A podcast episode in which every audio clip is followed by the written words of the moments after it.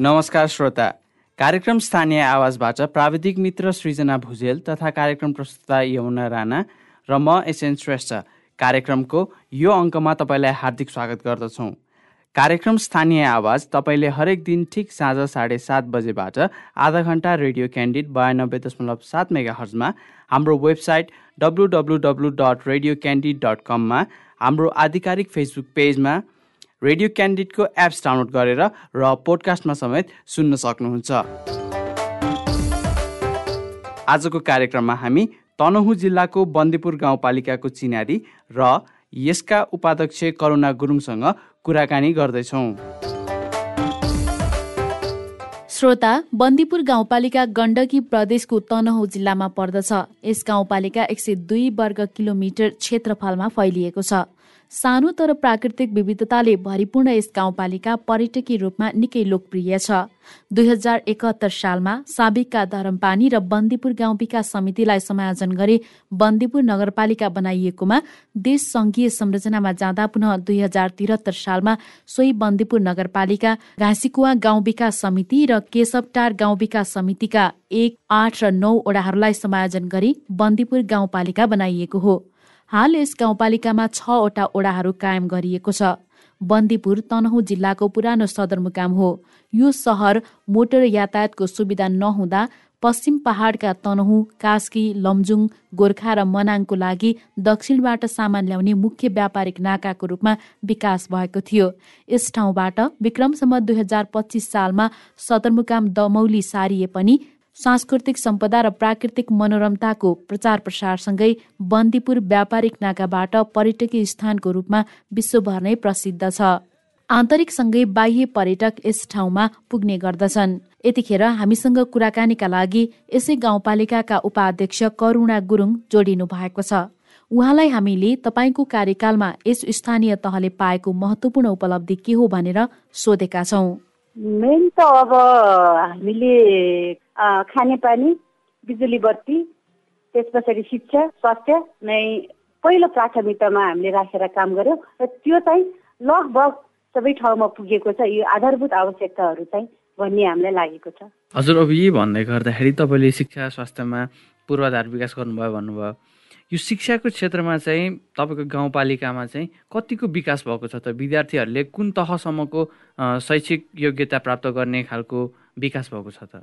अब यस्तो छ शिक्षामा चाहिँ खास भन्यो भने यो बन्दीपुर गाउँपालिका एउटा सहर उन्मुख गाउँपालिका पनि हो र नगरपालिका भइसकेको पालिका चाहिँ अहिले गाउँपालिका भएर हामी निर्वाचन प्रणालीमा हामी होमियौँ चौहत्तर सालमा।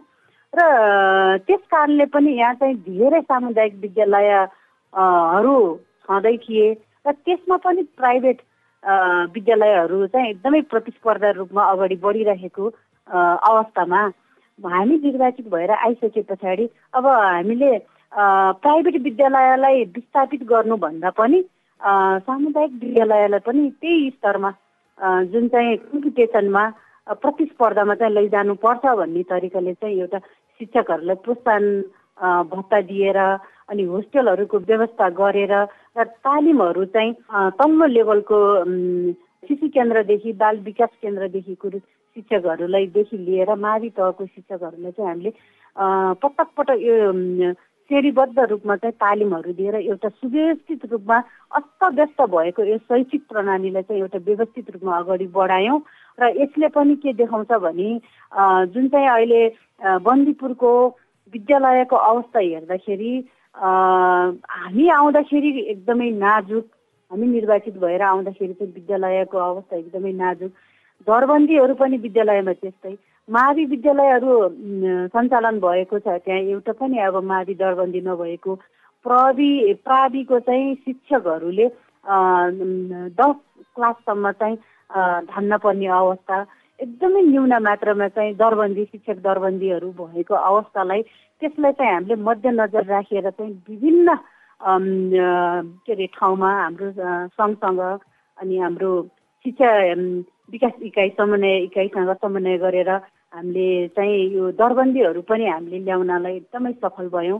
तनहुँ जिल्लामा दसवटा स्थानीय तहमा धेरै ठाउँमा चाहिँ यो दरबन्दीहरू कटौती हुने क्रममा हामीले चाहिँ पच्चिसवटा शिक्षक दरबन्दी पनि ल्याउनलाई हामी सफल भयौँ र विद्यालयमा व्यवस्थित रूपले चाहिँ बच्चाहरूको र अभिभावकको आकर्षण बढाउनको लागि हामीले त्यही अनुसारको चाहिँ एउटा विद्यालयमा सुधार गर्न पर्ने भौतिक संरचनाहरू र त्यहाँ चाहिँ पढ्ने वातावरणमा एउटा व्यवस्थित रूपले बसाइको व्यवस्थापनहरू चाहिँ गर्नलाई हामी सफल भएको कारणले एकदमै न्यून मात्रै विद्यार्थी सङ्ख्या भएको ठाउँमा र मत हुने अवस्थामा पुगेका विद्यालयहरू चाहिँ विद्यार्थीको सङ्ख्या बढाएर हामीले सुचारू र व्यवस्थित रूपमा अगाडि बढाएको चाहिँ उदाहरणहरू छन्।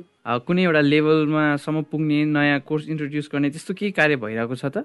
हामीले चाहिँ यो वर्ष हामीले गाउँसभाले नै यो प्राविधिक शिक्षामा चाहिँ दुईजना प्राविधिकलाई चाहिँ नि शुल्क रूपमा शिक्षण मा लगानी गर्ने शिक्षामा लगानी गर्ने पनि अवधारण लिएर हामीले त्यसलाई चाहिँ निरन्तर दिइराखेका छौँ र सरकारी सामुदायिक विद्यालयबाट चाहिँ पढेका विद्यार्थीलाई र आर्थिक अवस्था कमजोर हुने नाज अनि त्यस्तै लगनशील विद्यार्थीहरूलाई चाहिँ गाउँपालिकाले नै पढाउने चाहिँ व्यवस्था गरेको छ।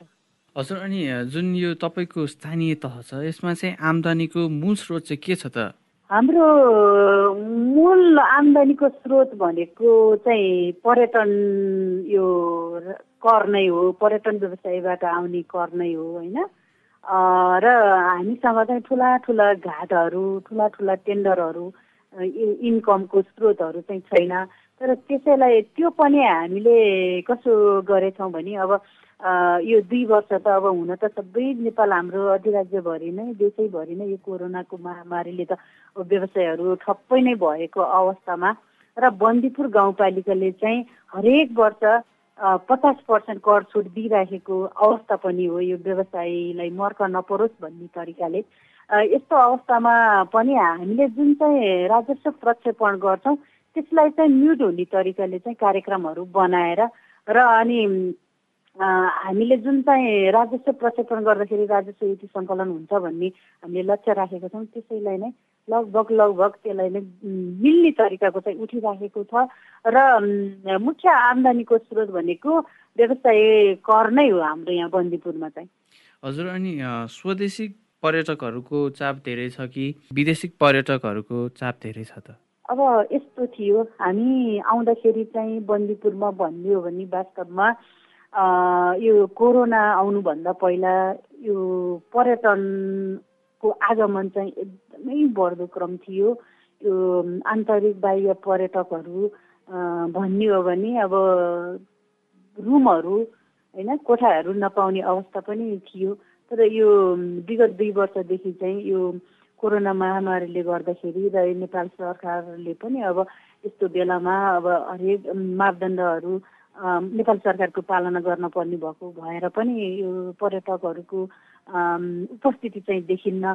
तर योभन्दा दुई महिना अगाडि यो असोजदेखि यतापट्टि चाहिँ जुन चाहिँ हाम्रो कोरोना चाहिँ एकदमै घट्दो क्रममा देखिएको थियो देखियो स्वास्थ्य मन्त्रालयको त्यतिखेर चाहिँ यति धेरै आन्तरिक पर्यटकहरू त म्याक्सिमम् बढी आउने गर्थ्यो र त्यसमा पनि फाटफुट चाहिँ हाम्रो बाह्य पर्यटकहरू पनि उपस्थिति देखिन्थ्यो र अब चाहिँ अब केही फेरि हामीले व्यवसायमा पर्यटन व्यवसायमा र पर्यटन प्रबन्धनमा थप टेवा मिल्ने भयो भन्ने चाहिँ जुन हामीले अपेक्षा राखेका थियौँ त्यसलाई फेरि पुनः यो तेस्रो लहरको कोभिडले गर्दाखेरि चाहिँ फेरि अलिकति धर्मराएको अवस्था चाहिँ यो पर्यटन व्यवसायमा छ।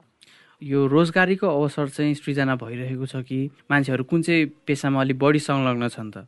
अहिले चाहिँ यो जुन यो कोभिड फैलियो नेपालमा त्यस पछाडि चाहिँ हाम्रो विदेशबाट पनि जुन चाहिँ हाम्रो दाजुभाइहरू विदेश पलायन हुनुहुन्थ्यो उहाँहरू पनि नेपाल आउने क्रम धेरै भयो र जुन चाहिँ होटल व्यवसायहरू महँगो आम्दानी गरेर अगाडि आफ्नो व्यवसायहरू सुचारू गरिराख्नुभएका व्यवसायीहरूले पनि अब यो पर्यटन जुन चाहिँ यो हाम्रो पर्यटन भनेको अब पर्यटक आएपछि चल्ने चिज हो।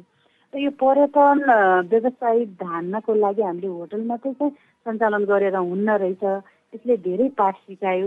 त्यसैले धेरै चाहिँ अहिले कस्तो चाहिँ व्यवसाय गर्न रुचाइराखेका छन् भने बन्दीपुर गाउँपालिकाका नागरिकहरू कृषि पशुमा चाहिँ धेरै उहाँहरूले सामूहिक रूपमा व्यक्तिगत रूपमा चाहिँ कामहरू मिलेर गरिराख्नु भएको छ र बन्दीपुर गाउँपालिका गण्डकी प्रदेशमा एउटा यस्तो पालिका हो कि चक्लाबन्दी गरेर सबैभन्दा धेरै चक्लाबन्दी गर्ने पालिकामा पनि पर्छ।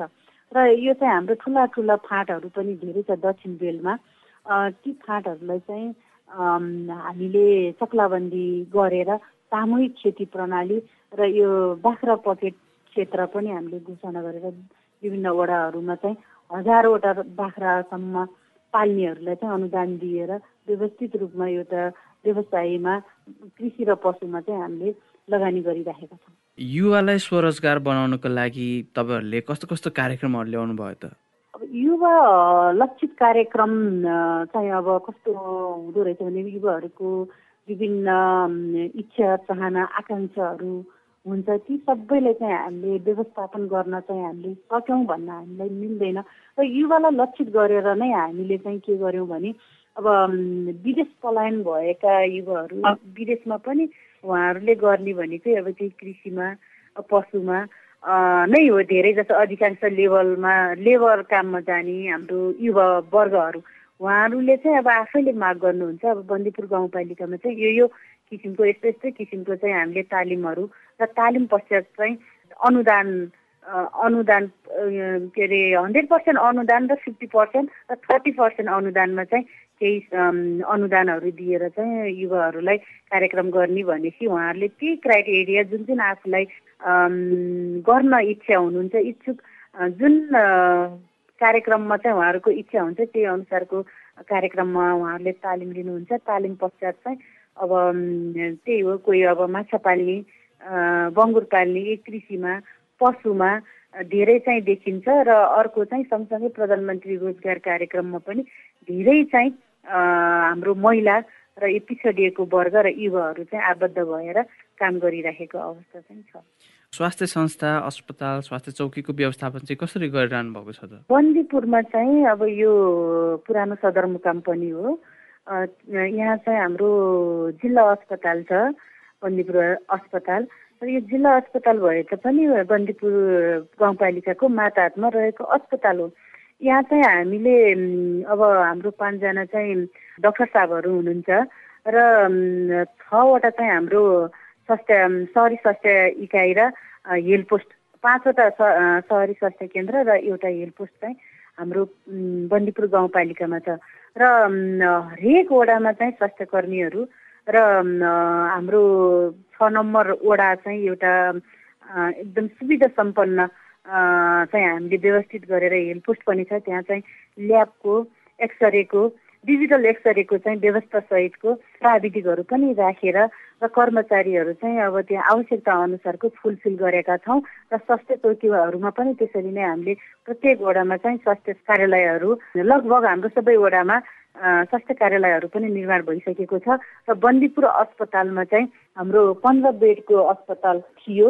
अहिले चाहिँ हामीले पचास बेडको अस्पतालको लागि चाहिँ हामीले भवनहरू निर्माण गरिराखेका छौँ सामूहिक लगानीमा हाम्रो पचास बेडको अस्पताल पनि निर्माण भइरहेको छ। यो न्याय सम्पादनको काम चाहिँ कसरी अगाडि बढाइरहनु भएको छ त? न्याय सम्पादन चाहिँ बन्दीपुर गाउँपालिकामा वास्तवमा भनिदियो भने अहिलेसम्म हाम्रो दुई हजार चौहत्तर सालको जेठदेखि हामीले कार्यभार सम्हाल्यौँ त्यस पछाडि चाहिँ मुद्दा मामिलाहरू पहिला अब चौकीमा जाने अदालत जाने र त्यस्तो खालको चाहिँ मुद्दाहरू र सामान्य खालको विवादहरू अब गाउँपालिकामा चाहिँ जानपर्छ उपाध्यक्षको संयोजकमा एउटा न्यायिक समिति छ भन्ने जुन सचेतना कार्यक्रमहरू हामीले चाहिँ प्रत्येक वडामा प्रत्येक टोल टोलमा गएर कार्यक्रमहरू गऱ्यौँ सचेतना कार्यक्रमहरू गऱ्यौँ त्यस पछाडि चाहिँ एकदमै त्यो निवेदनहरू मुद्दाहरू चाहिँ दर्ता हुने क्रम भयो।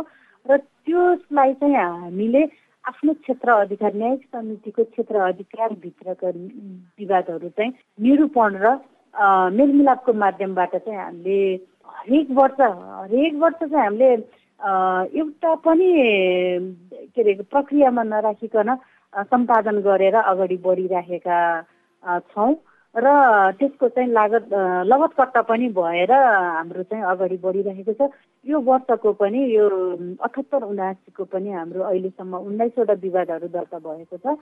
ती उन्नाइसवटा विवादहरू आजको मितिसम्म चाहिँ सबै चाहिँ मेलमिलापको माध्यमबाट चाहिँ हामीले निरूपण गरिसकेका छौँ। यो सामाजिक सुरक्षाको विषयमा धेरैले प्रश्न उठाउने गरेका छन्। तपाईँको स्थानीय तहमा चाहिँ वृद्ध वृद्ध बालबालिका एकल महिला अपङ्गता भएका व्यक्ति पिछडिएका समूहको अवस्था चाहिँ कस्तो छ त? यो त यस्तो हुँदो रहेछ सर। अब सामाजिक सुरक्षा भत्ता चाहिँ अब खास भन्यो भने यो उमेरको हगम्याद पुगेकोले त पाइहाल्नुभयो सो त होइन? र त्यो चाहिँ अब विवाद हुने कुरा पनि भएन नागरिकताको आधारमा दिने। र यो अपङ्गता भएको व्यक्तिको हकमा चाहिँ हामीले हरेक महिना चाहिँ हामीले निवेदनहरू जुन जुन ओडामा जुन जुन टोलमा चाहिँ अपङ्गता भएका व्यक्तिहरू हुनुहुन्छ उहाँहरूलाई चाहिँ उहाँहरूको चाहिँ निवेदन हामीले महिला तथा बालबालिका शाखा हाम्रो सामाजिक विकास शाखामा चाहिँ हामीले निवेदनहरू सङ्कलन गर्छौँ। र ती सङ्कलन भएको निवेदनहरू चाहिँ प्रत्येक महिना हामीले ती निवेदन र ती चाहिँ अब व्यक्तिहरूलाई अपङ्गता भएको व्यक्तिहरूको चाहिँ शारीरिक र डक्टरको परामर्श र डक्टरी रिपोर्टको आधारमा त्यसको पनि अब संयोजक अपङ्गता समन्वय समितिको संयोजक म आफै भएको कारणले पनि अनि एउटा हाम्रो निर्देशिका पनि छ यो परिचय पत्र वितरण गर्ने। त्यसैलाई चाहिँ आधार मानेर हामीले डक्टरको चाहिँ र हाम्रो न्या यो समन्वय समिति अपाङ्ग समन्वय समितिको निर्णयमा चाहिँ उहाँहरूलाई कुन खालको त कुन वर्गमा पर्नुभयो त भन्ने तरिकाले चाहिँ हामीले कार्डहरू वितरण गरिरहेका छौँ। त्यो वितरण गर्ने कुरामा चाहिँ अब अवश्य नै अब सबैले चाहिँ अब भत्ता पाउने खालको कार्ड पाए हुन्थ्यो भन्ने अपेक्षा त हुन्छ तर त्यसमा चाहिँ हामीले अहिलेसम्म यो चाहिँ अब यो वर्गमा पर्ने थिएन तैपनि दिन पर्छ भनेर चाहिँ हामीले दिएका पनि छैनौँ। हामीले प्रष्ट के भन्छौँ भने एउटा हामीले कार्यविधि छ त्यो कार्यविधिमा टेकेर गर्ने हो। त्योभन्दा यताउति हुने साथ अब भोलि हामी भनेको त एउटा राजनीतिक फिल्डको मान्छे हो। राजनीति फिल्डको मान्छेलाई आक्षेप लागे पनि जे भए पनि त्यसको सामना गर्ने सक्नेछौँ। तर त्यसको चाहिँ कार्ड प्रमाणित गर्ने भनेको त कर्मचारीको एउटा कर्मचारी आफ्नो जागिर त धरापमा राखेर यो त अब प्रमाणित गर्ने काम त गर्नु हुँदैन। त्यस कारणले हामीले कार्यविधिमा यो छ जुन वर्गमा तपाईँ पर्नुहुन्छ त्यही चाहिँ कार्ड तपाईँले पाउनुहुन्छ। योभन्दा माथि चाहिँ तपाईँले अपेक्षा गर्नु हुँदैन यो हामीले दिन चाहेर पनि तपाईँले चाहिँ पाउनु हुँदैन। भनेदेखि उहाँहरू अब चित्त बुझाउनुहुन्छ त्यसमा विवाद हुँदैन। यो सामाजिक सुरक्षा भत्ता ढिलो भयो भन्ने कुरा चाहिँ एकदमै धेरै आउँछ। किन आउँछ भन्दाखेरि एउटै के छ भने अब बजेट आइसकेको हुन्छ रकम आइसकेको हुन्छ त्यसलाई चाहिँ अब प्रत्येक अब चौमासिक रूपमा हालिदिने हो। र हाम्रो पालिकाबाट अब गइसके पनि ब्याङ्कको चाहिँ विविध कारणहरूले गर्दाखेरि र रोकिने गर्छ। र कतिपय ब्याङ्कहरूले एकदमै सजिलोसँग समयमा हामीले चाहिँ यो आज पठायो अब पर्सिदेखि उहाँहरूले बाँड्नलाई सुरु गर्नुहुन्छ एकदम व्यवस्थित रूपले भने।